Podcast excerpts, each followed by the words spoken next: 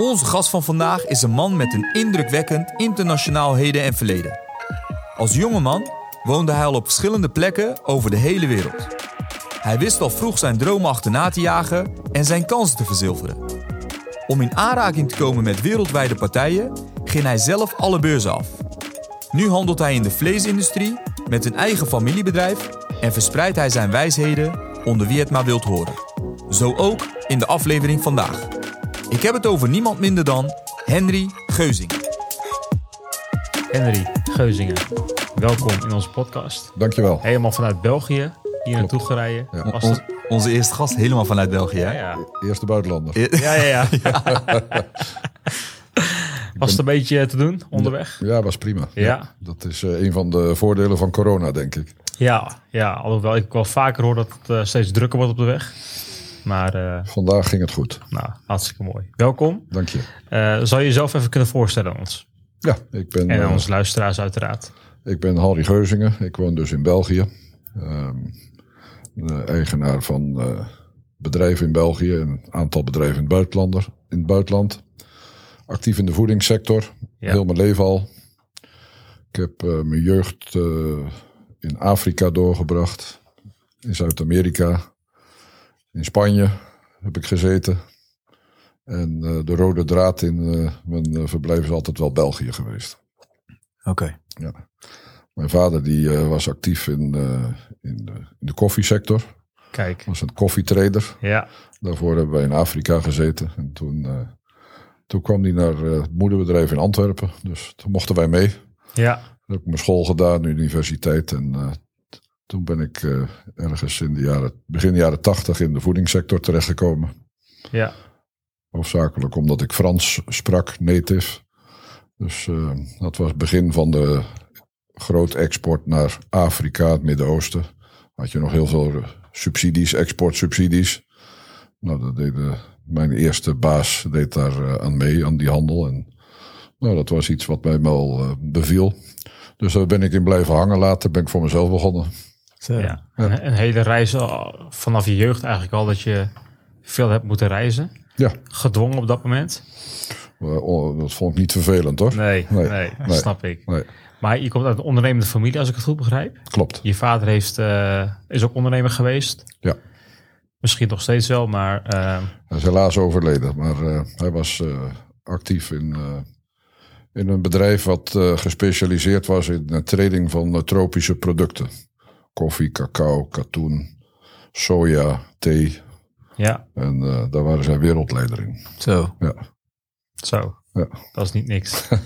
Dus waarschijnlijk heb ik dat aan de keukentafel meegekregen, onbewust. ja. Ja. Was het een inspiratie voor jou op dat moment om te gaan ondernemen? Of is het eigenlijk een beetje later gegroeid? Dus eigenlijk wel redelijk natuurlijk eh, eh, gekomen. Ja, Ja, ik kan me herinneren dat eh, nou, toen ik op een gegeven moment had ik besloten dat ik eh, van het eh, dagelijkse studeren, dat ik daar avondstudie van ging maken op de universiteit.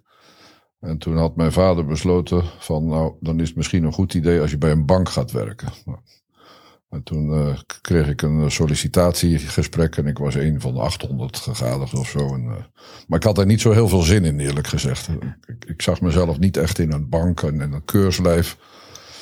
En toen eh, kreeg ik het goede nieuws van die bankdirecteur. Dat was een, eh, een gespecialiseerde bank in eh, bankieren met Afrika.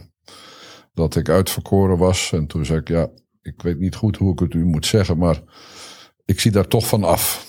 Ja, dus moest ik dan s'avonds aan de keukentafel moest ik dat gaan vertellen. ja, En nou ja, de rest is geschiedenis. Want toen be- ben ik namelijk begonnen in een, bij een bedrijf te werken wat actief was in de voedingssector.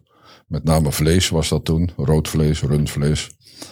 En eh, dat bedrijf dat, eh, dat ging naar Afrika, naar het Midden-Oosten.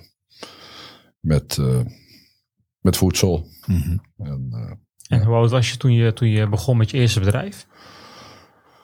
Ja, daar moet ik eens even goed over nadenken. Ik denk dat ik toen zes of 27 was. En dat was koffie? Nee, toen zat ik. eh, nee, dat was mijn, mijn vader kwam uit de koffie. ik zat in het vlees. Oké, altijd in het vlees gezeten. ja. Oké. Eh, toen ik voor mezelf begon, dat had ook wel een oorzaak. Ehm, op een van de handelsbeurzen kwam ik een, eh, een Arabier tegen. Je hebt, eens om de twee jaar heb je een beurs, dan in Parijs en het volgend jaar in Keulen. En daar kwam ik een, uh, een Saoedi tegen. En nou, daar sympathiseerden we mee, zoals we dat bij ons in België no noemen. En ehm, dat was net na het, ehm, het, het ongeluk in Tsjernobyl. Hmm. Dus die man, Ahmed heette die, daar heb je er wel meer van daar. Hè? die die uh, zegt. Ook hier steeds meer hoor, trouwens. Ja, ja, ja, ja, ja. Eh, die zegt: Jij moet wat voor mij doen. Hij zegt: Wij importeren heel veel voedsel uit uh, Oost-Europa. maar dat mag nu niet meer vanwege de radioactive fallout. Um, dat had overigens alleen maar effect op spullen waar metaal in zit, zoals spinazie. Mm -hmm. En toen, uh, toen ging hij me dat uitleggen van wij importeren uh, boten vol met groenten. En uh, dat kan nu niet meer. Dus als jij dat nou eens voor ons gaat doen in Europa, je koopt dat in Joegoslavië, toen was dat nog Joegoslavië. En de omliggende landen. En je stuurt dat naar België. Je, maakt daar, je geeft dat een Belgische oorsprong. Dat mag als je het, als je het her, verpakt. Mm -hmm. En dan verkoop je het daarmee. Nou, sommige dingen ontstaan door toeval. Dus ik kwam in contact met een handelaar die daar zaden en machines naartoe stuurde en die weer groente en fruit terughaalde. Dus het eerste jaar deed ik denk ik uh, 10 of 15.000 ton groente. Een handel die ik nog nooit eerder had gedaan. Maar uh, ja, dat was eigenlijk de start van uh, mijn, mijn bedrijf toen. Wat de prettige bijkomstigheid dat die Arabieren die betaalden mij redelijk snel, binnen de drie of de vier dagen. Zo. En mijn leveranciers die mocht ik op 120 dagen betalen, want dat is gangbaar in die sector. Ja. Dus buiten een verdienmodel had ik ook een eigen bank. En zo konden we ondernemen. Er was verder niet zo heel veel voor nodig. Ja, nee. een stukje, stukje geluk eigenlijk. Ja, ja, zo kun je het zien, ja. Ja. ja. Een opportunity. Ja. ja. Maar dan rol je er wel rol je erin. Ja. Maar het, is, het, het gaat om grote bedragen. Best wel, ja. Ja, uh, hoe rol je in zoiets? Want dat, dat is denk ik de vraag die, die iedereen uh, zich stelt. In één keer van, vanuit ja, bijna niets, zeg maar, rol je in hele grote bedrag uh, rol je terecht. Hoe ga je daarmee om? Ja, dat gaat eigenlijk automatisch. Want die, in het Midden-Oosten, in die landen, Saudi-Arabië, heb je een aantal hele grote bedrijven. Mm -hmm. Het zijn vaak ook nog wel onderdeel van families. Je hebt een invloedrijke familie in in de Oostprovincie, in, het, in Riyadh en in de, in de, bij, de, bij de Rode Zee. Die mensen zitten niet alleen in voedsel, maar ook uh, die, vaak nog bankieren en uh, in automotive en constructie. Dus je verkoopt er een keer een container of uh, zes à tien aan. En dan bevalt dat wederzijds en dan worden dat automatisch grotere hoeveelheden. Maar gaat dat dan op papier of, of, of hoe werkt zoiets?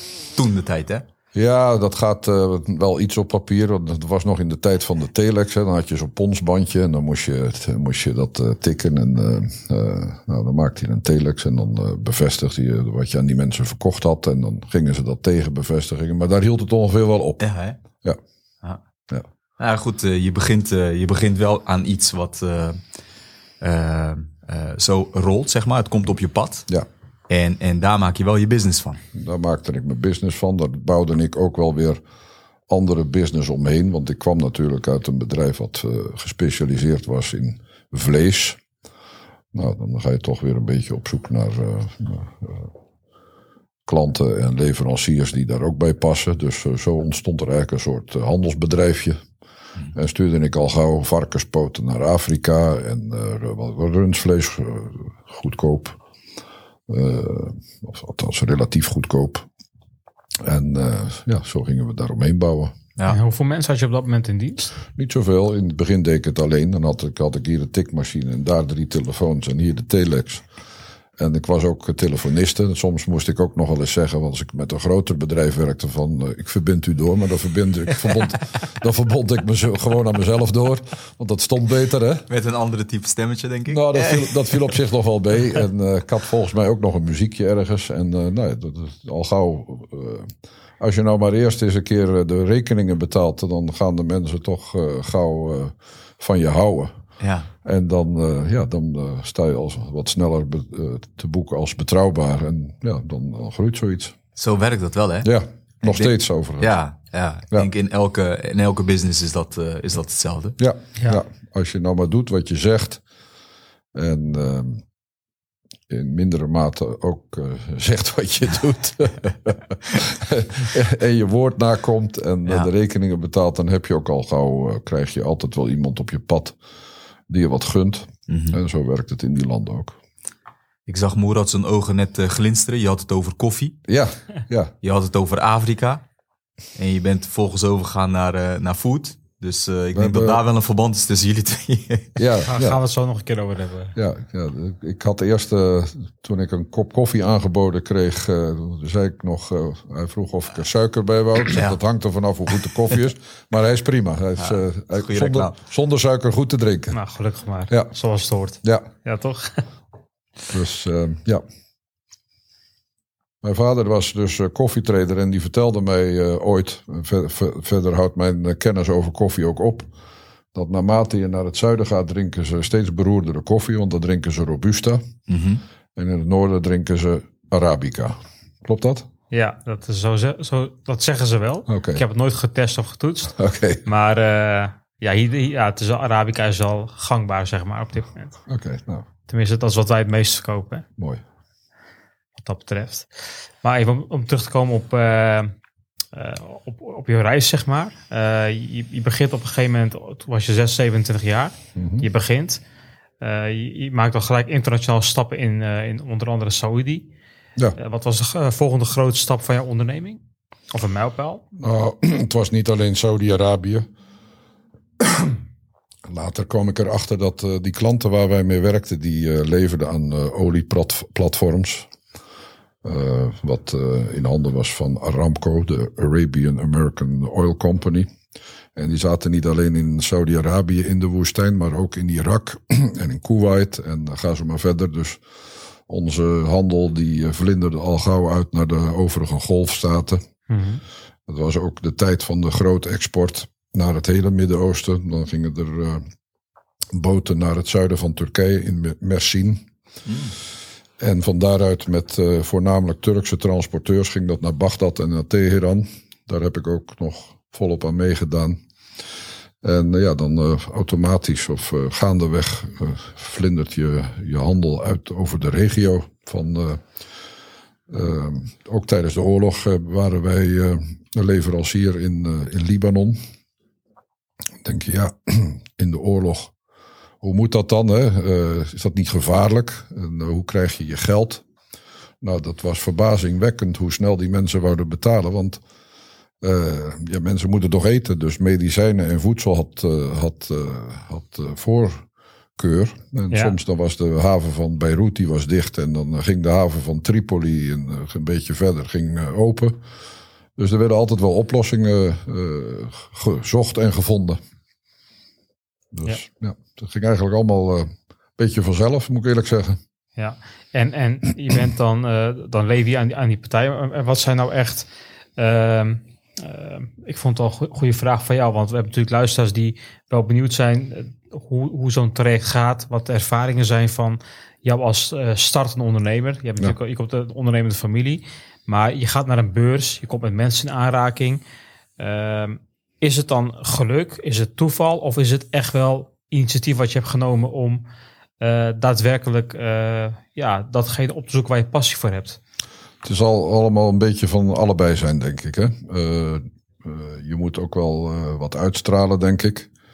Ehm, je komt ook wel in een soort netwerk terecht. Want als, je, als je eerlijk bent, of in ieder geval ongeveer je, je afspraken nakomt, dan heb je ook nog wel mensen die zeggen: oh, je moet hem eens bellen, of weet je wel.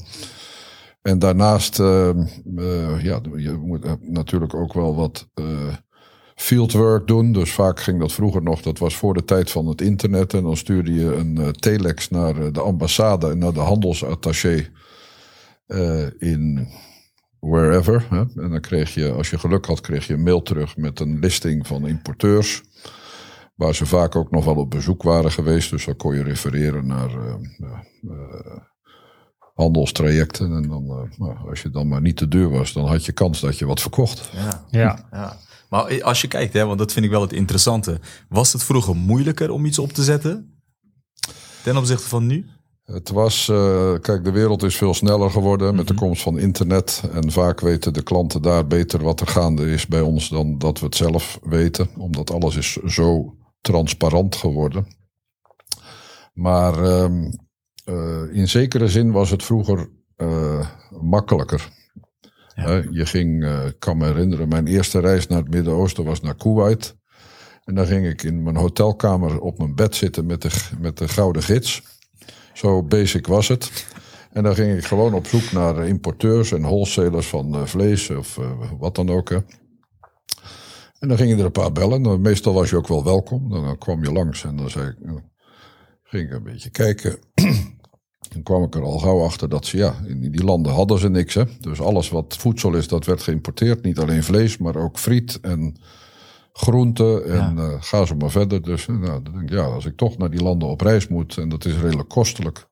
Dan kan ik maar beter zorgen dat ik eh, wat meer te verkopen heb dan alleen vlees of groenten. Of, eh, al- al gauw ging je van alles doen. Hè. Ja, ja. Ja. En wat is dat dan van alles? Meerdere commodities, meerdere productgroepen. Ja, nee, maar kun je eens een voorbeeld noemen van wat je dan bijvoorbeeld nog meer aanbood? Ja, wij zaten dan. eh, op een gegeven moment kwam ik in contact met een eh, frietfabriek in eh, Friesland. En ik zeg, ja, ik wil voor jullie wel friet verkopen in het Midden-Oosten. Ja, dat kan wel, want dat doen wij niet. Ja, Nou, dus, Lamp Weston. nee, nee, Nee? Die, die was er toen nog niet. Die, zit, die zit in Kruiningen. Deze, zit, in- deze zat in Friesland. Oké. ik dacht dat eh Lamp Weston in Friesland zat. Nee, nou, misschien inmiddels ook wel. Oké, Eh, ja, het zou kunnen. ja. Want dat is natuurlijk enorm groot geworden. Ja, Ja. klopt. Ja. Ik Maar- weet het omdat, omdat mijn vader toevallig heeft gewerkt. Oké, Dus eh, vandaar dat ik... eh, oké. Maar we hebben een Lamp Weston bij ons in de buurt in Kruiningen, geloof ik. Oké. Ja, in Zeeland. Dus vandaar. Maar zo makkelijk ging het dus. Dus voor jou was het eigenlijk eh, eh, vraag en aanbod bij elkaar brengen. Kijken Ja. naar wat de mogelijkheden zijn en daar sprong je op in. En ik denk dat, dat Ongeveer wel, ja. ja, Ja. de, de aard waarom, waarom Moerad de vraag stelt is van oké, eh, je komt uit een ondernemersfamilie. Hm. Eh, is dat jouw drijfveer altijd geweest om dit soort dingen bij elkaar eh, eh, te zoeken? Waarschijnlijk onbewust wel, ja. Ja, hè? Ja. En wat is daarin de drijfveer voor jou geweest? Waarschijnlijk ook wel een. eh, sorry. Ik ben gisteren getest hoor, dus Ja. eh, geen gevaar. Nee. Ik was negatief. Dus, eh, wat, eh, waarschijnlijk een bepaalde drang naar onafhankelijkheid ook wel. Hè, ehm, ja. En als je dan maar een paar succesjes hebt, dan word je ook wel weer gesteund in je, in je drang om dat te willen en kunnen doen. Ja. Ja. En op een gegeven moment heb je die on- onafhankelijkheid, die creëer je voor jezelf. Ja, Maar je gaat daarin wel door. Dus daar ga je in door, ja. Ja, dat is bijna verslavend, denk ik. ja, hè? Ja. Ik kan me herinneren toen ik, eh, kijk, ik kom van een eh, goede familie. Wij eh, waren de armste onder de rijken, denk ik. Maar wij woonden wel in een goede buurt in België. En mijn vader, die heeft mij niet echt verwend. Dus dan gingen wij zaterdags gingen we auto's wassen. Daar stonden, li- liep ik zo door de buurt en dan had je wel hele mooie auto's. En dan ging ik auto's wassen. Nou, op een gegeven moment hadden wij een klantenkring van, ik denk wel eh 80 auto's. En op zaterdag, mijn zusje, die eh, mocht de, ramen van binnen lappen, want dat eh, kon zij beter en ik had er niet zoveel zin in. En stond de oprit die stond vol met auto's. En, nou, in de zomer moesten er ook nog huizen geschilderd worden. Hè? Nou, dan ging ik huizen schilderen. En, zo kan ik me herinneren dat ik wel eens in de maand september vroeg mijn vader: wat heb je nou verdiend van de zomer? Nou, ik, wil kwijt, ik ben kwijt wat het dan precies was, maar het was eh, best wel wat. Toen zegt, toen zegt hij: dan heb je deze zomer meer verdiend dan ik. Oké. ja, Dus ik had toen ook wel wat studenten, medestudenten, die werkten voor mij. Dan ging ik, eh, ging ik op het fietsje, of eh, misschien had ik toen ook al een auto, dat weet ik niet precies. Dan ging ik de, de werf af en dan eh, ging ik. eh, ja, ja. zo, Dus het eh, ondernemen begon eigenlijk al eerder dan, dan je eerste bedrijf. ja, het zal er wel ingezeten hebben, Ja. denk ik. Ja, ja, Ja. ja. En wat was je eerste, eerste reis naar het buitenland? Hoe oud was je toen? Mijn eerste reis naar het buitenland was toen ik vier was. En toen eh, ging ik met mijn moeder mee naar eh, Congo. Oké. Ja, Gelijk ook een, een, een land, want dan praten we over hoe lang terug? Dat was in 1968. Ja. Ja, ik ben van 64. Dus Hoe was het toen eh, in Congo, toen, eh, toen de tijd? Ja, was mooi. Ja? Ja. Maar ook eh, qua, ja, ik kan me best voorstellen dat gevaar, hè, als je het hebt over Nee, Afrika, dat, dat had je helemaal mij- niet. Volgens mij was het niet gevaarlijk. Nee, Oké. denk het Oké. niet. Oh. Oh, daar valt iets. Ja, dat gaat, gaat net goed. maar maar dat, dat, dat ging dus, dat was je eerste reis. Maar wanneer was je eerste reis dat je, dat je zelf bijvoorbeeld naar het buitenland ging om zaken te doen? Eh, dat zal waarschijnlijk eh, naar, eh, naar Kuwait geweest zijn, of naar Ivoorkust, of naar Ghana, of dat weet ik niet meer precies. En Toen, toen ik nog bij dat bedrijf werkte, Ja. waar ik begonnen ben. Ook, ook dat begon eigenlijk heel ludiek, want ik kwam, de, er waren twee broers. Mhm. En die waren succesvol. En die ene die zat op de tennisclub waar ik ook tennis speelde. En toen kreeg ik een, een baan aangeboden. Zodoende kon ik die baan bij de bank kon ik, eh, kon ik, eh, afzeggen. Ja, ja het is, het is eh, wel een soort van organisch bij jou gegaan. Eigenlijk via via. Meestal wel, ja. Ja, hè? Ja. Ja. Ja. maar je hebt wel doorgepakt. Ja, ja. Dus eh, de kansen die krijg je. En vervolgens pak je wel door. En dan creëer je daar iets, eh, iets nog groters uit. ja. Ja. Als zijnde wat, wat de kans zich voordeed. Ja, het is niet allemaal succes. Op een gegeven moment krijg je ook tegenslagen. Hè? Ik noemde het daar straks even, geloof ik. En, eh en het einde van vorige eeuw kwamen er natuurlijk van alle mogelijke zaken op ons pad. Zoals mond- en klauwzeer, gekke koeienziekte, dioxinecrisis. En ja, toen hebben we wel zwarte sneeuw gezien. Dus Ja. eh, het, is, eh, het is niet allemaal eh, g- glorie geweest. Nee. Nee. En wat was, wat was jouw eerste, als je kijkt naar de mindere tijd. Wat was eh, jouw, e- de eerste grote klap, zeg maar, als, als, als bedrijf zijnde? Dat eh, was toen, eind- einde jaren, einde jaren negentig. en, en hoe groot was de impact? De impact was groot. Eh, toen had je ook nog wel veel overheidsdiensten die, met name in België, die, ik noem dat dan, die bang waren van hun schaduw. Eh, en toen, toen heb ik besloten, volgens mij, om eh, daar maar eens even mee te stoppen. Ik had ook nog wel wat eh, rechtszaken lopen hier en daar. Dus daar ben ik, eh, eh, ben ik maar eens achteraan gegaan. Dat heeft overigens zeven jaar geduurd voordat ik ze allemaal gewonnen had. Maar Zo, toen was het eh, operatie geslaagd, patiënt overleden. Toen was het geld op. zo. Ja, Jeetje. ja. Heftige periode. ja was ook weer, dat hoort er ook bij. Hè. Dat, eh, daar eh, word je ook sterker van. Ja. Ja. Is dat zo? Dat je dan... Je, je, je, ga- je krijgt een, klap, een financiële klap, zeg maar. Ja. Hoe, hoe ga je daarmee om als ondernemer? Wat, Nou, dat kun je op de, volgens mij kun je daar op twee manieren op reageren. Je kunt jezelf onderdompelen in je eigen, in je eigen ellende. ja, Maar goed, dat is niet eh, productief. nee. Of je kunt zeggen, nou, eh, goed, ik heb ook twee kinderen. Of je kunt zeggen, nou, dat ga ik nog maar eens proberen op te lossen. Want je wil die kinderen ook een, eh, een mooie toekomst geven. Of in ieder geval een, een goede toekomst. Dus ik heb gekozen voor het laatste. En eh, eh, toen ben ik bij in 2008 volgens mij bij een, eh, bij een bedrijf gaan werken. Die zochten iemand om een bepaalde afdeling te herstructureren die wat, wat, wat problematisch liep. En daar heb ik vijf jaar gewerkt. Die waren actief in, in de kip. Dat is de industrie waar ik nu hoofdzakelijk actief in ben. En ehm, nou, ik denk, nou, weet je, eh, ik spreek eh, zeven talen. Ik heb over heel de wereld gezeten. En je hoeft dan niet jezelf eh, per se te beperken tot groente of rundvlees. Het, kip is eigenlijk hetzelfde kunstje. Behalve dat het iets eenvoudiger is, want er zit alleen een borst, een vleugel en een bout aan. Dus je hebt in principe wat minder te verkopen. Bovendien zijn er ook kortere cyclussen.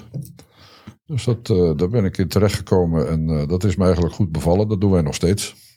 Ja. Een mooie brug naar wat je inderdaad nu doet. Ja. Ja, Die brug maak je ook zelf. die, mag, ja, die heb ik zelf volgens mij heb ik die, heb ik die wel iets, iets eh, neergezet. Ja. Ja. Dus ik heb eh, in 2013 zei ik tegen de eigenaar van dat bedrijf waar ik werkte. En die zaten in Kuik. Ik heb hier eh, met eh, plezier gewerkt, maar ehm, ik heb twee kinderen.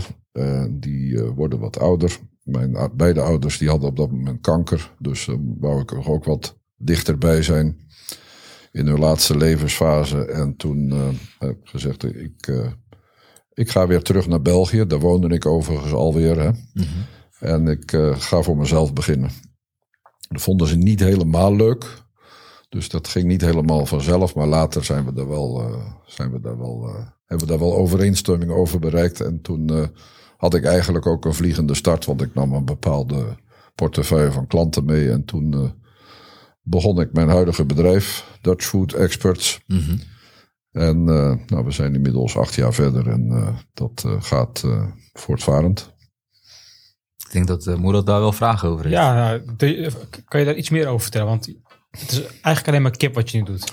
Nee, wij zijn begonnen met eh, kip. Ja. Dat is onze core business. We noemen onszelf Dutch Food Experts. Ja. Waarom? Omdat wij echt eh, Nederlandse industrie. Ik ben zelf ook Nederlander, dus Mhm. dat, eh, dat, ben ik ook trots op en dat wil je ook graag uitdragen. Ik had in eh, die jaren had ik een, mooie relatie opgebouwd met slachthuizen in Nederland. Waarvan ik er een aantal toen heb gevraagd, joh, wat vind je ervan? Er waren een aantal die zeiden, nou, laat maar eens kijken.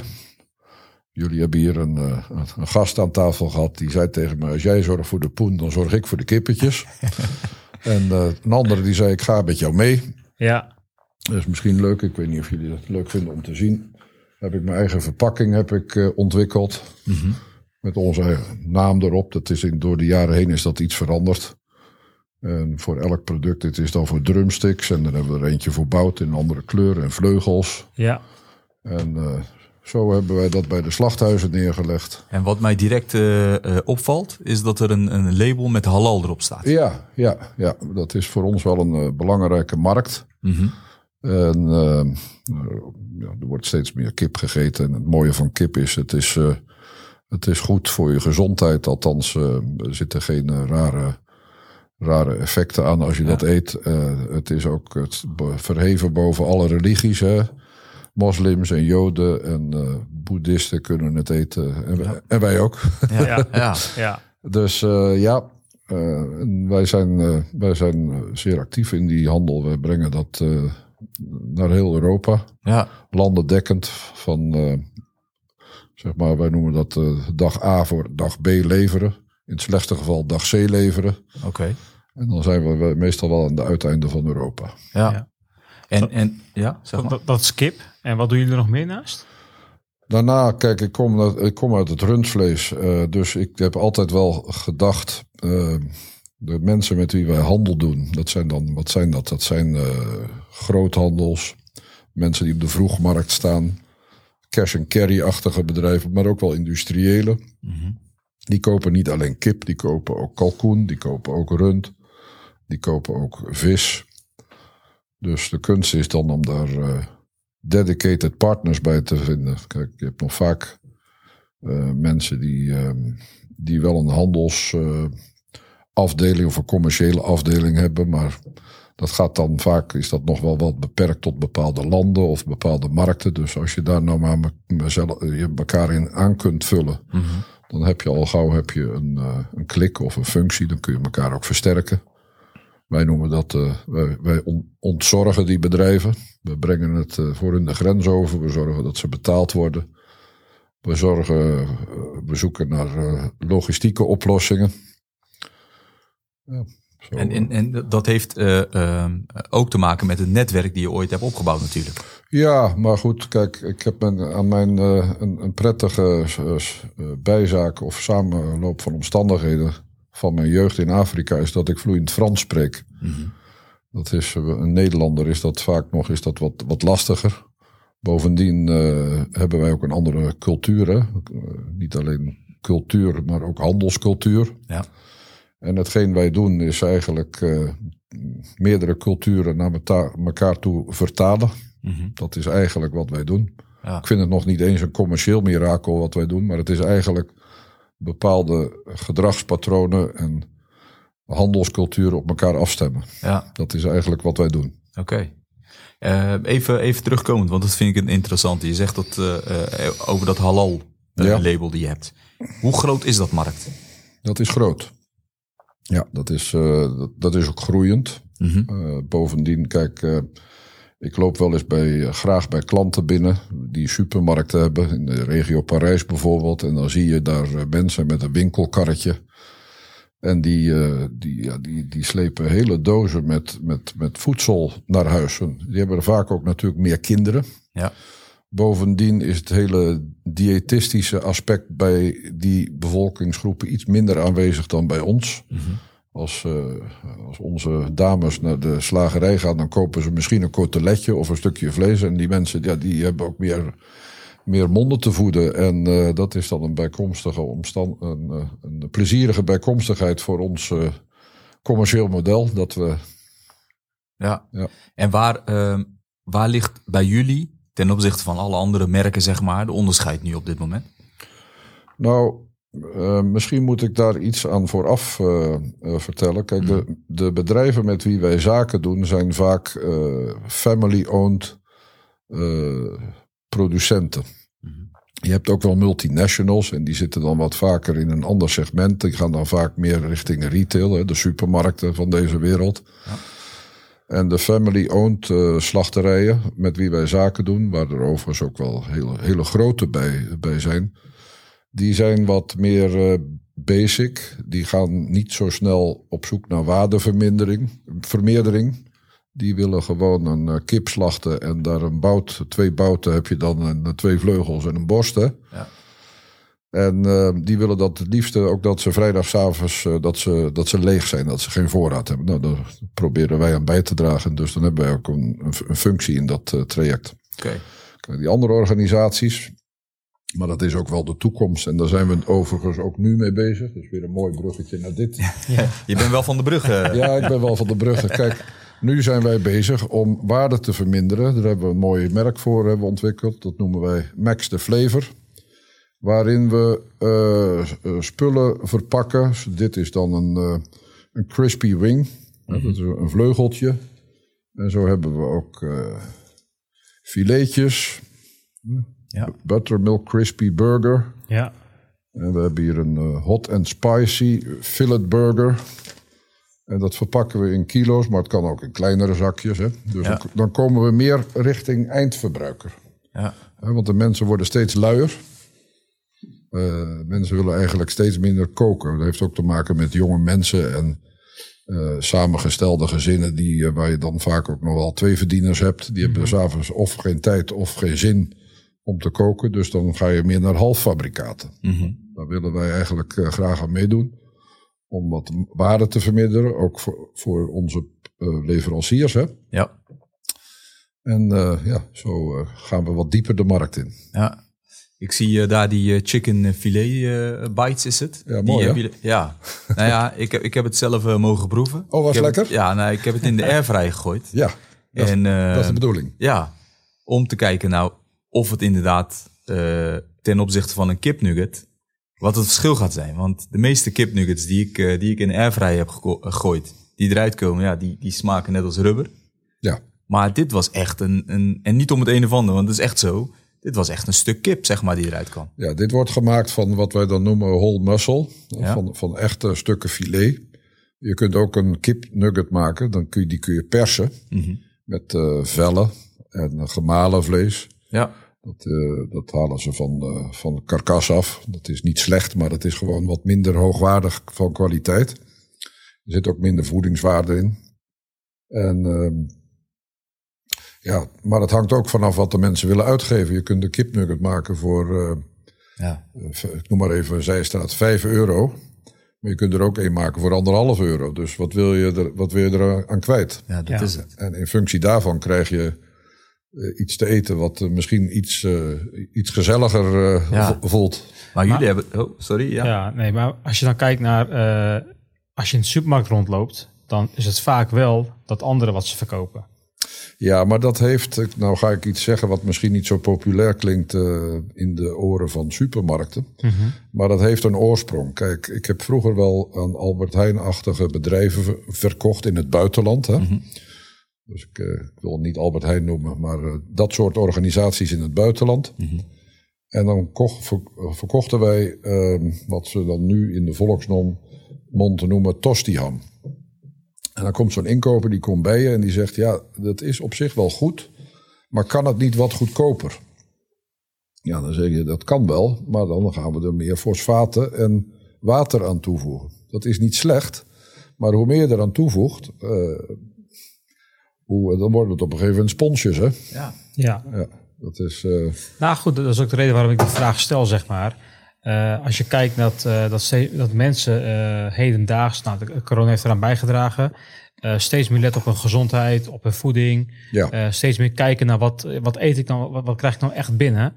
Ehm, is dat ook de reden waarom je echt in bent gesprongen op, op de kwalitatief hogere markt, zeg maar? Ja, we willen graag ons onderscheiden. Ja. En uh, het moet uiteraard nog wel betaalbaar zijn. Dus het is niet zo dat je, dat je ineens uh, zomaar wat kunt doen. Mm -hmm. Maar wij willen graag ons iets uh, boven, boven de standaard begeven. Ja. ja. Nou, ik, ben, ik ben het wel met jou eens, Murat. Ik denk dat als je kijkt naar de huidige markt van nu, mensen zijn wel bereid om meer uit te geven voor goed voedsel. Ja. Het is op zich in, ook interessant. Nu leven we natuurlijk in coronatijden. Ja. Dus de mensen kunnen niet naar de horeca. Uh, waar kom je dan terecht? Je hebt heel veel mensen die online uh, boodschappen doen of in de supermarkten. Kijk, ik woon in België en ik heb, uh, laatst hoorde ik over de radio dat de mensen thuis toch meer wijn gaan drinken. Dat het budget dat ze eraan besteden, dat dat hoger is dan wat ze gewend zijn. Mensen gaan op zoek naar kwaliteit. Juist. Juist. En dat, ik denk dat dat, uh, kijk, corona is hopelijk uh, binnenkort een keer, behoort dat tot het verleden of in een gewijzigde vorm zal het misschien ook nog wel onder ons blijven. Mm -hmm. Maar ik denk toch dat wij in een nieuwe samenleving terechtkomen, waarin, uh, ik zie dat bij mij op kantoor, mijn twee dochters, die overigens bij mij op kantoor werken, Mm -hmm. oh, die zit, zitten allebei in het bedrijf, ja. En ja, die, die kopen heel veel via internet. ik moet eerst iets iets, iets vasthouden voordat ik het geneigd ben om te kopen. Maar kijk, de, de, nieuwe generatie die koopt veel via internet. Ja. Dat zal, daar zal voedsel ook uh, onderdeel van worden, daar ben ik van overtuigd. Ja. ja. Nou, dat, is wel, dat valt, valt wel op inderdaad. En, maar als je kijkt dat inderdaad de supermarkt, ja, die gaat toch voor de, de massa, zeg maar. Dat moet dus ook. Ja, dat snap ik. Maar het, ik, ik vind het af en toe wel lastig als ik dan daar loop. Dan denk ik, ja, en ik heb het ook geproefd en het is echt gewoon goed. Uh, en dan laatst was ik in de supermarkt en dan kijk je van oké, okay, is er iets wat erop lijkt of wat in de buurt komt? En is, dat is er gewoon niet. Hij heeft gelijk uh, acht dozen besteld. Worden vanmiddag geleverd. Ja, ja. Zo snel gaan dat kan het gaan. ja.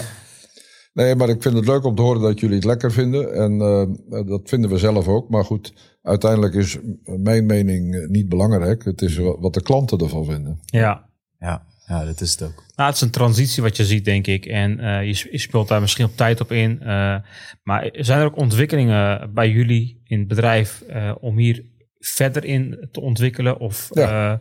door te gaan? Ja, wij willen niet, ons niet beperken tot alleen kip.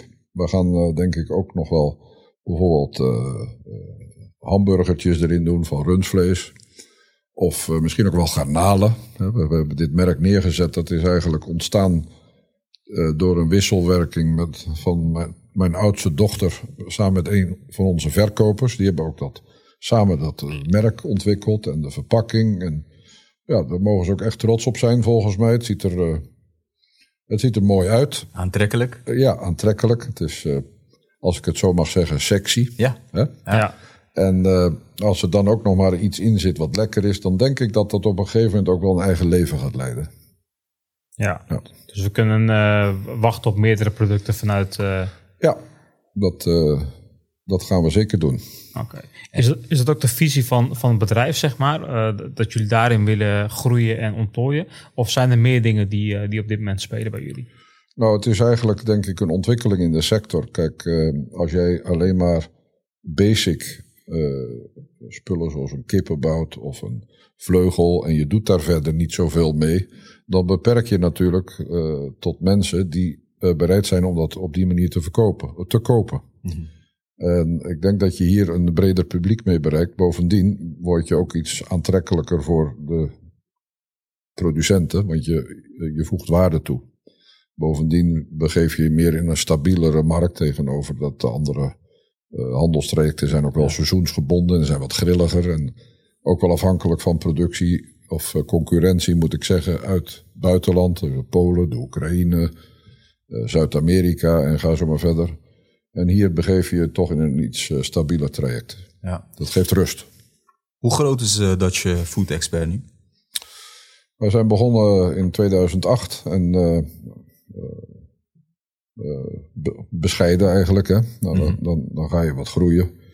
En dan om, open je een kantoor in het buitenland. We hebben een kantoor in Engeland, we hebben een kantoor in Spanje, een kantoor in Nederland. En we groeien denk ik elk jaar met 20 à 30 procent. Zo. Ja. Oké. Okay. En hoeveel landen zitten jullie nu precies? Die landen die ik net noem, althans daar hebben we eigen kantoor. Ja. Maar zaken doen we denk ik landendekkend in de meeste Europese landen. Mm -hmm. uh, ook wel wat Afrikaanse landen. Midden-Oosten, Azië. Ja. Ja. Ja, als je kijkt naar uh, producten wat we hier voor ons hebben liggen. Ligt dit ergens in Nederland in de supermarkten? Nee, nog niet. Uh, daar zijn we mee bezig. Ja. Uh, ook om te kijken of we eventueel iets met een webwinkel kunnen, kunnen optuigen. Mm -hmm. Dat zien we eigenlijk meer als een pilot, want we zijn uh, hier wel mee bezig in Engeland en in Frankrijk. We hebben volgens mij ook al de eerste orders over zee gehad. Naar, volgens mij gaan de twaalf pallets naar Martinique. Okay. Uh, we zitten. ja.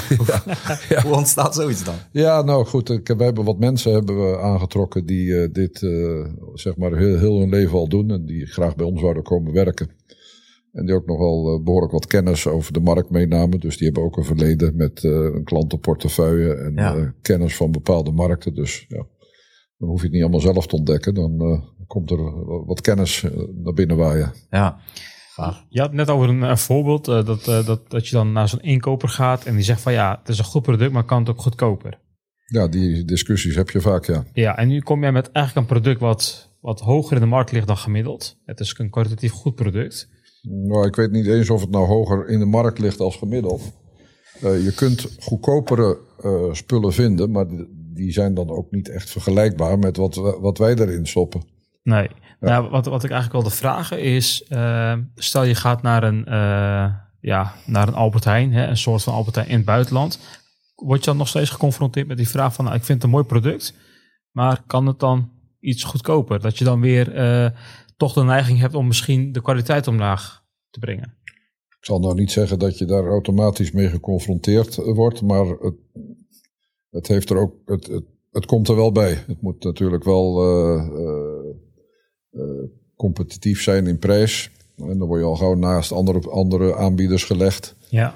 En als je je dan maar kunt onderscheiden op kwaliteit, verpakking, service. Uh, vaak heb je dan ook uh, de, de rayons die liggen al vol. Zo'n uh, zo'n vrieskist of een, of een zo'n etalagekast. Dus je moet er ook ruimte voor je beschikbaar willen maken. Ja.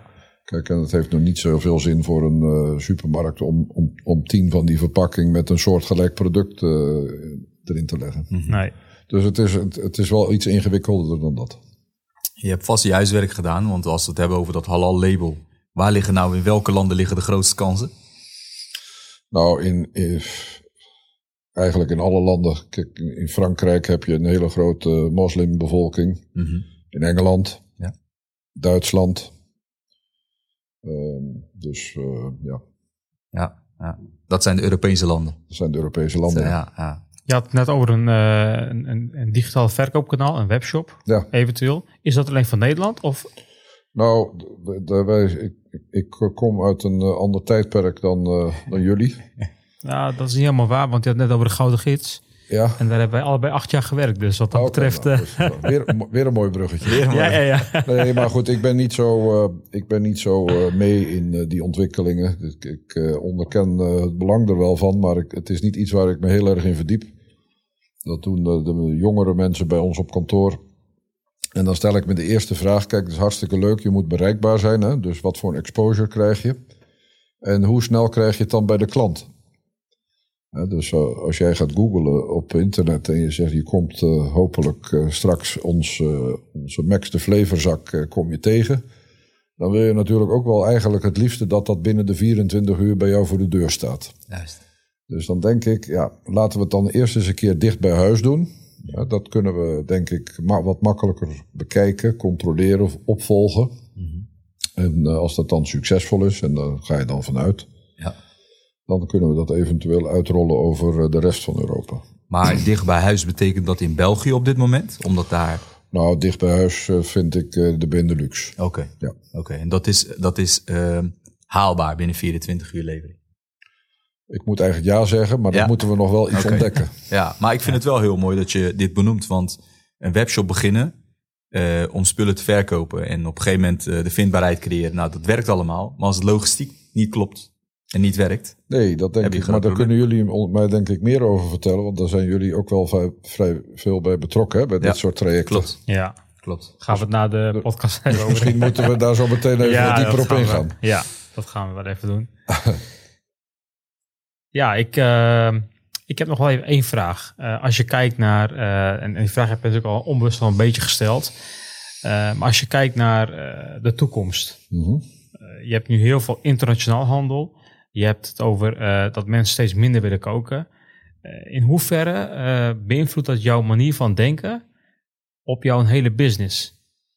Nou, mijn, mijn manier van denken is eigenlijk. ik, ik volg, de, ik volg de, de trends meer in de markt. Hè. Ik, je moet jezelf ook blijven innoveren. Want als jij ook. Maar we kunnen dat terugvoeren op heel basic. Als jij niet steeds nieuwe klanten bereikt, je verliest er altijd een paar. Dan wordt op een gegeven moment jouw horizon kleiner. En dat is dus ook zo met, eh, met, met, dit soort ontwikkelingen. En dat gaat eigenlijk vrij organisch, moet ik zeggen. Eh, wij spelen in op nieuwe trends. We krijgen ook wel vragen van klanten van, joh, kun je dit niet? En dan, dan kun je wel stug zijn en blijven ontkennen dat dat nodig is. Maar dan, dan loop je dus op een gegeven moment loop je achterop. Ja, Dus, eh, dat gaat bij ons eigenlijk vrij, vrij ja, hoe moet ik dat zeggen? Organisch. Ja, organisch, spontaan. Ja. Ja. Maar laat je dan je team of mensen die... eh, je hebt natuurlijk te maken met verschillende landen, verschillende culturen.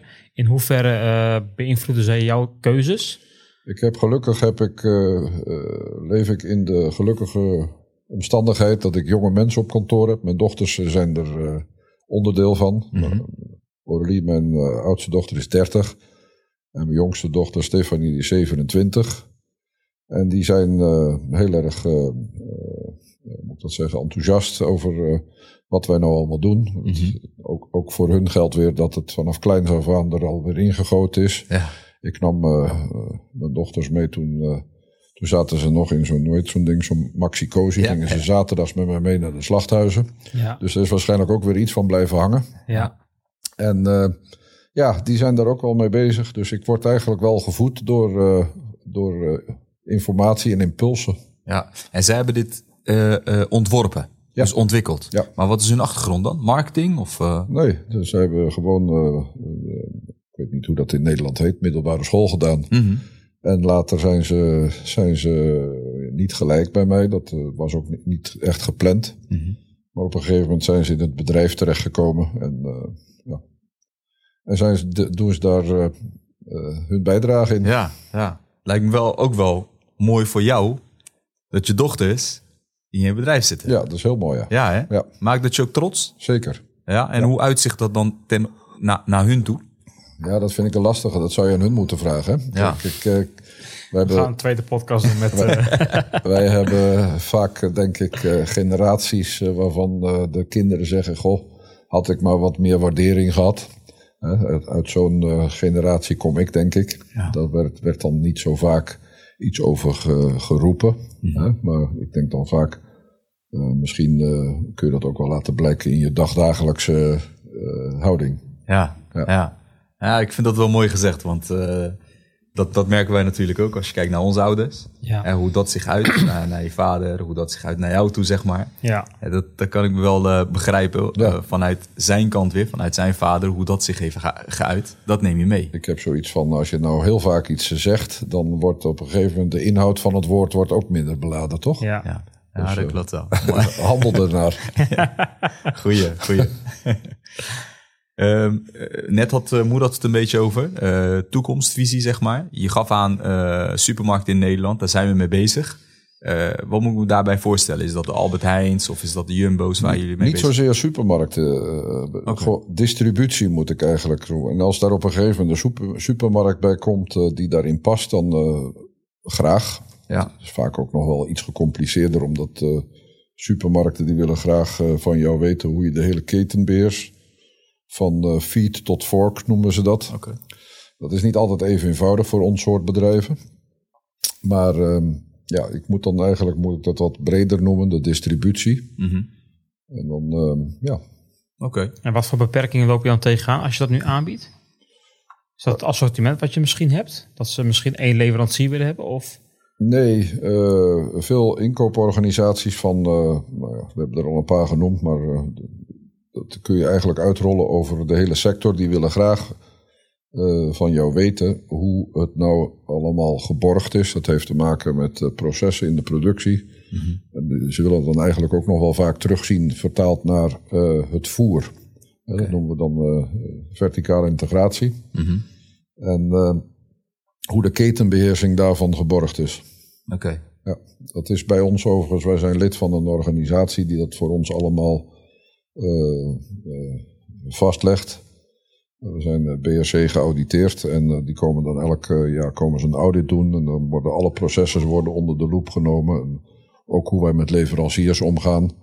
Dus het is niet zo dat wij niet serieus daarmee bezig zijn. Maar als je nu bij een, eh, een hele grote, je hebt hele grote organisaties in Europa die eh, produceren die vaak ook nog wel eigenaar zijn van de boeren. Of het nou een kippenboer of een runderboer of een varkensboer is, dat maakt dan niet zoveel uit. Ja. Daar zit dan vaak ook nog wel een, eh, een, een, een voedsel, eh, een, een voerbedrijf voor. Eh, Ja, dat is iets makkelijker om jezelf dan te profileren naar zo'n organisatie als voor Ja. ons. Ja, precies. Wij, Ja.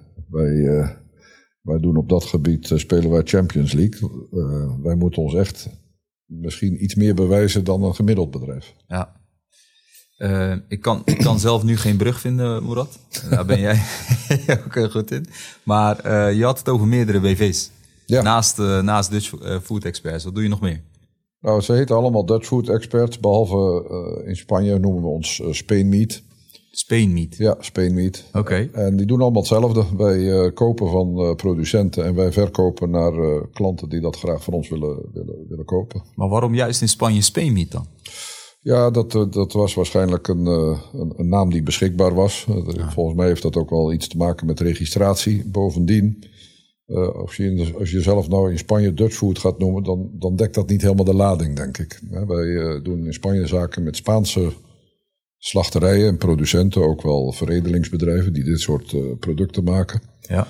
Dus dan dacht ik, nou, weet je, dan, dan heb je toch een iets eh, meer eh, complementaire functie in je organisatie. Oké. Maar is dat dan niet zo dat dat voor iedere land geldt? ja, misschien wel. Alhoewel Nederland en België ligt te dicht bij elkaar.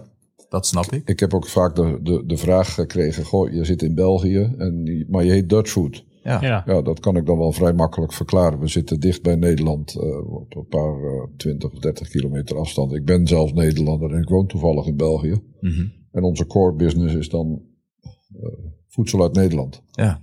Ja, dat is goed te verklaren inderdaad. Dat is goed te verklaren. In Engeland ook, omdat wij, eh, kijk, de Nederlandse pluimveesector is toch wel redelijk afhankelijk van de export naar Nederland, naar Engeland moet ik zeggen. Mhm.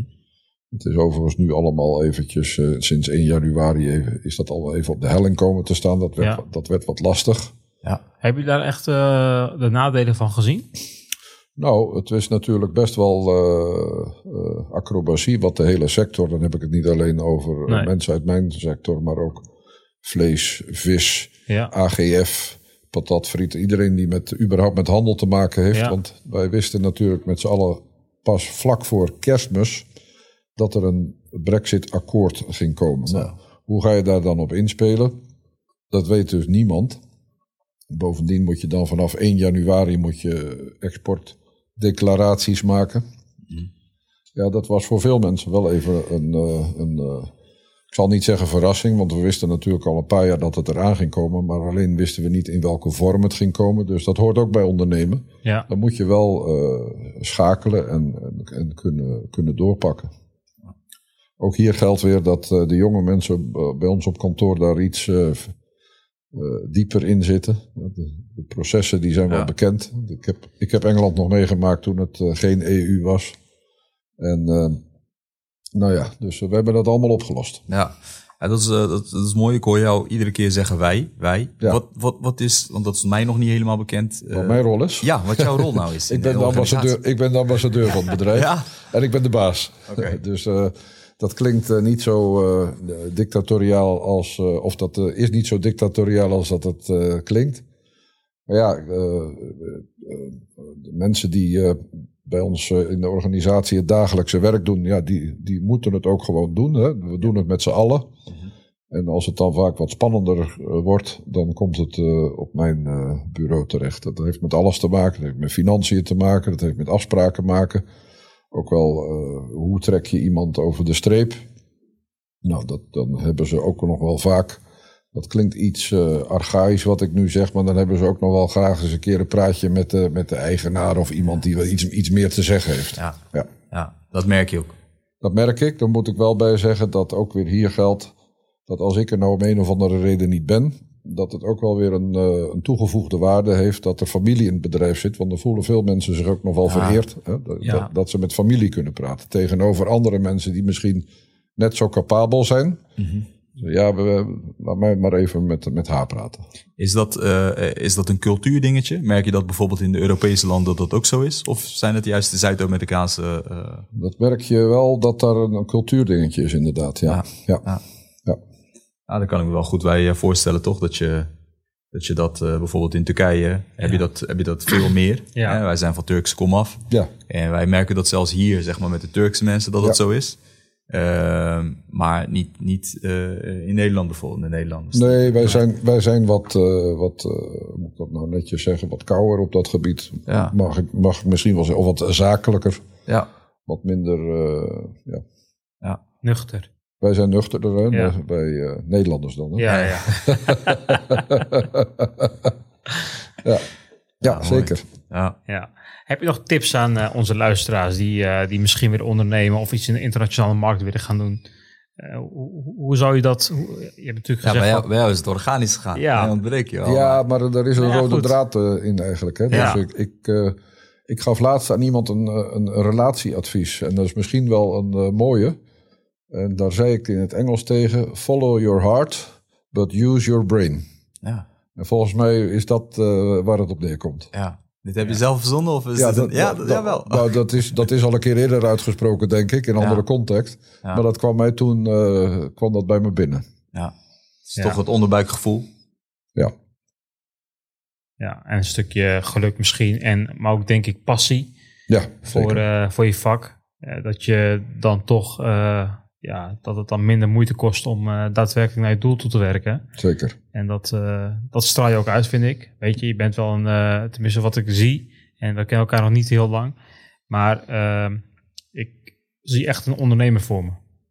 Dank je. Ik weet niet of ik het goed heb, maar je doet veel van het onderbuikgevoel. Maar volgens mij kan je ook best wel zakelijk zijn. Ja, dat hoort erbij, hè? Ja, Ja, af en toe moet je ook onpopulaire beslissingen nemen. Is dat in het eh, foodsector waar jij in zit? Is dat eh, extremer als, als andere sectoren, zeg maar? Nou, het is wat vluchtiger. Hè? Kijk, eh, onze handel is een snelle handel. Tegenover, voornamelijk als je het dan hebt over vershandel. Wat vandaag geproduceerd wordt, is volgende week bedorven. Dus dat moet snel gaan. Als je nou gaat invriezen, dan maak je het onbederfelijk. En dan, dan heb je wat meer tijd. Maar in principe moet je redelijk snel schakelen. En dan heb je toch ook wel te maken met mensen. Kijk, je, wordt, eh, echt, eh, je bent aangewezen op mensen die je kunt vertrouwen. Waar je je handel ook aan los kunt laten. Die daar eh, mee omgaan als een goed huisvader, zoals dat dan netjes heet. Hè? En ja, Ja. Ja, dat maakt het A. aan de ene kant natuurlijk spannend. Maar Ja. als jij je netwerk eenmaal hebt, weet neer te zetten, ja, dan gaat dat ook geleidelijk. Dan heb je ook klopt. de juiste mensen En om je als ik dan even terug eh, ga naar de vraag die je net stelde. Hè? Eh, Je hebt ook wel, komen ook wel andere dingen bij kijken. Dan zeg ik altijd, nee is ook een antwoord. Je hoeft niet altijd eh, iedereen te pleasen. Het is vaak ook handig als mensen weten wat ze aan je hebben. En daar hoort nee zeggen ook bij. ja. Dat, ja, dat, eh, Misschien net zo belangrijk als ja zeggen. ja nou, dat, is, dat, dat groeit denk ik in. Ja, daar word je Eh, steeds sterker in. Ja. Ja, in het begin als eh, wij ondernemen nu ook een jaartje of zeven. En in het begin eh, zeg je inderdaad ook overal ja tegen om, eh, ja, om mensen maar niet te gaan teleurstellen. Of, eh, eh, ja, je, je wil jezelf ook bewijzen. Maar op een gegeven moment ontgroei je daar denk ik in. Ja, zeker. Klopt. Ja, wat een, wat een mooie reis. Ja. Waar, je, waar je staat. Ehm, We zijn nog niet klaar met reizen, hè? nee, ja, dat, dat- nu maak je weer een brug. Ik kan er misschien Ja. wel bij jullie komen werken. en toe. even andersom het gaat zijn. Dit, eh. nee, je bent nog niet klaar. Nee, Ehm, toekomstplannen? ik vind werken leuk. Ik denk dat dat ook eh, handig is. Hè? Als je, ik zeg ook vaak tegen mensen die eh, bij mij werken: wat wij doen, dat is geen baan. Dat is een lifestyle. Eh, kijk, als je. eh, je bent eh, in principe. wil je 24 uur en heel de week bereikbaar zijn voor mensen. Dan moet je ook wel wat keuzes in maken. Ze moeten je geen 20 keer per dag gaan bellen, want dan wordt het vervelend. Maar goed, dan maak je ook wel snel een selectie in. En ik vind werken leuk. En nou, dat is volgens mij de bron van alles. Ja. Ik zie mezelf ook nog wel rustig eh, 20 of 30 jaar doorwerken. Dus als je het maar, als je het maar leuk blijft vinden. En eh, nou, misschien een beetje een cliché, maar het is eh, zeker eh, ook belangrijk als je gezond bent. En, eh, ja, Zeker. dan, eh, Ja. waarom zou je stoppen met werken? Ja, ja. dat is ook zo. En waar krijg, je, waar krijg je echt energie van? Nog steeds in de huidige omstandigheden waar je... Ja, dat klinkt vanzelfsprekend, maar van succes, hè? Van succes krijg je energie. En eh, van negatieve eh, dingen, die slorpen je op. Je hebt dat ook wel vaak, eh, eh, heb je ook wel eens van gehoord, hè? de 80-20 regeling. Ja. Je besteedt 80% van je tijd aan de 20% eh, eh, minst rendabele dingen. Dus de kunst is om afscheid te nemen van die 20%. Dan krijg je 80% van je tijd komt beschikbaar. ja. Dat heeft ook weer te maken met keuzes. En wat is voor jou succes? Kan je het succes uh, Succes, dat hoef je niet altijd aan geld uit te meten. Wa- Waarschijnlijk overwegend niet. Succes is als, eh, als je, kijk, nou, het begint eigenlijk eh, bij dit. Hè. Ik, heb, eh, ik vond toen ik begon met Dutch Food, toen liep ik zo door, de, door Europa, door de, door, de, door de markt. En dan vond vaak dat voedsel werd ook nog wel een soort schoenendoos werd dat gepropt. Dat zag er niet echt sexy uit. Klopt. Nou, dan ontwikkel je zoiets en dan denk ik, ja, dat is aan, aan mijn brein is dat ontsproten. Althans het idee. Later is er een grafisch ontwerper is er mee aan de, aan, de, aan, de, aan de gang gegaan. Op een gegeven moment zie jij overal in Europa waar je komt, zie je die dozen staan. Ja, daar kon ik wel best wel gelukkig van worden. Ja. Vervolgens eh, maak je trailers die eh, jouw kleuren hebben. En dan zie je dat zo voorbij komen. Dan denk ik, ja, dat, dat- nou, dat, klinkt misschien wat hotel, maar dan denk ik, Nee. ja, dat heb je toch al aardig gedaan. Ja. Ja, daar kan ik dan eh, gelukkig van worden. Ja, ik kan. Daar krijg ik energie van. Ja, ik begrijp dat wel hoor. Ja, Ik zie ook een grote glimlach en een eh, glinster in je ogen wanneer je Ja. het daarover hebt. Ja, dat is Dus, leuk. eh, ja, zeker. En als je terugkijkt, wat had je anders willen doen? Of zijn er dingen waar je spijt van hebt gehad? nou, ik denk dat ik in mijn leven eerder spijt zou eh, kunnen hebben van dingen die ik niet gedaan heb. Ah, Ja. Ik denk dat eh, slechte beslissingen of slechte ervaringen vormen je ook tot wie je bent. En waarschijnlijk als ik eh, een heleboel dingen niet had gedaan die ik anders had moeten doen, was ik niet de persoon die ik nu ben. ja, Moerat is er eh, stil van. Ja, nou goed, weet je, eh, absoluut. Want eh, ik vind het mooi gezegd en dat zeg ik zelf ook wel eens. En ik heb ook wel eens beslissingen genomen in, mijn- in mijn leven die, eh, die minder hebben, goed hebben uitgepakt, zeg maar. Ik denk iedereen wel. Maar het is met hoe je daarmee omgaat. Ja. Eh, en, en privé, eh, zijn er dingen die je anders had? eh, ik had bijvoorbeeld die, wat laatste gast van ja, ik had wel meer willen genieten van, van eh, de successen die je hebt behaald. Of ben je iemand die gewoon doorgaat en eh, dat je geniet van je hele reis? Ja, ik geniet wel van de reis. Wat je wel af en toe heb ik wel eens een moment gehad dat ik dacht van nou, de reis was mooier dan de bestemming. En dan denk ik dat het handig is dat je een, dat je een nieuwe bestemming zoekt. Hè? Ja. Ik heb wel eens gehad, mijn, mijn vader was net overleden in 2013 was dat, of 14, 13 jaar. En toen had ik eh, dit bedrijf opgericht. Toen had ik best wel een hele reis afgelegd. En toen had ik eventjes, ik zal dat niet zeggen, want eh zak er eventjes iets doorheen. Dat nou, dan eventjes twee weken eruit. En dan gaan we weer een nieuwe bestemming opzoeken. Ja. Dus je moet jezelf wel blijven kietelen. Ja, maar het is wel eh, mooi gezegd. Soms is de reis ook veel mooier. En ik denk wat, wat, wat Moerad probeert te zeggen is dat wij soms vergeten ook tijdens de reis te genieten van dat. Nee, ik kan er wel van genieten. En naarmate je ouder wordt, niet dat ik nou zo oud ben, maar naarmate je ouder wordt kun je er ook beter van genieten. En bovendien, ik noem dat vaak, eh, Ik heb wel eens tegen een goede vriend van me zeg ik, travel light. Neem gewoon afscheid, afscheid van ballast. Nou, dat wil niet zeggen dat je alles maar uh, overboord moet gooien. Maar zaken waar je niet zoveel aan hebt, kun je beter afscheid van nemen. Dan zit je wat prettiger in je stoel. Ja, ja mooi gezegd. Ja, is ook, een, is ook ondernemen, denk ik. Ja. Afscheid kunnen nemen. Zeker. Ja. Ja, veel wijze woorden vandaag. Ik, uh, ik heb echt dingen gehoord die ik natuurlijk wel uh, vaker hoor, maar ook wel dingen die, die je anders verwoordt. En dat vind ik wel mooi. Ik denk voor onze luisteraars ook heel veel uh, tips, met name voor ondernemers, startend of al wat, wat verder in hun, in hun carrière. veel dingen waar ze heel veel aan ja, van kunnen leren. Ik wil je onwijs bedanken voor je komst. Graag, dat was leuk. Ja, ja. ik uh, ben benieuwd waar het over een paar jaar staat. Met name het deel wat, uh, wat online uh, straks gaat komen. Hoe dat zich gaat ontwikkelen. En hoe de wereld er voor jou over een paar jaar uitziet. Kom met plezier nog een keer vertellen ja, dan over ja, een paar jaar. Zeker. Spreken we bij deze af. Oké. Okay, Hartstikke leuk. Ja. Bedankt voor je komst nogmaals. En ja, tot de volgende keer. En een fijne reis terug. Ja. Dankjewel. Dankjewel.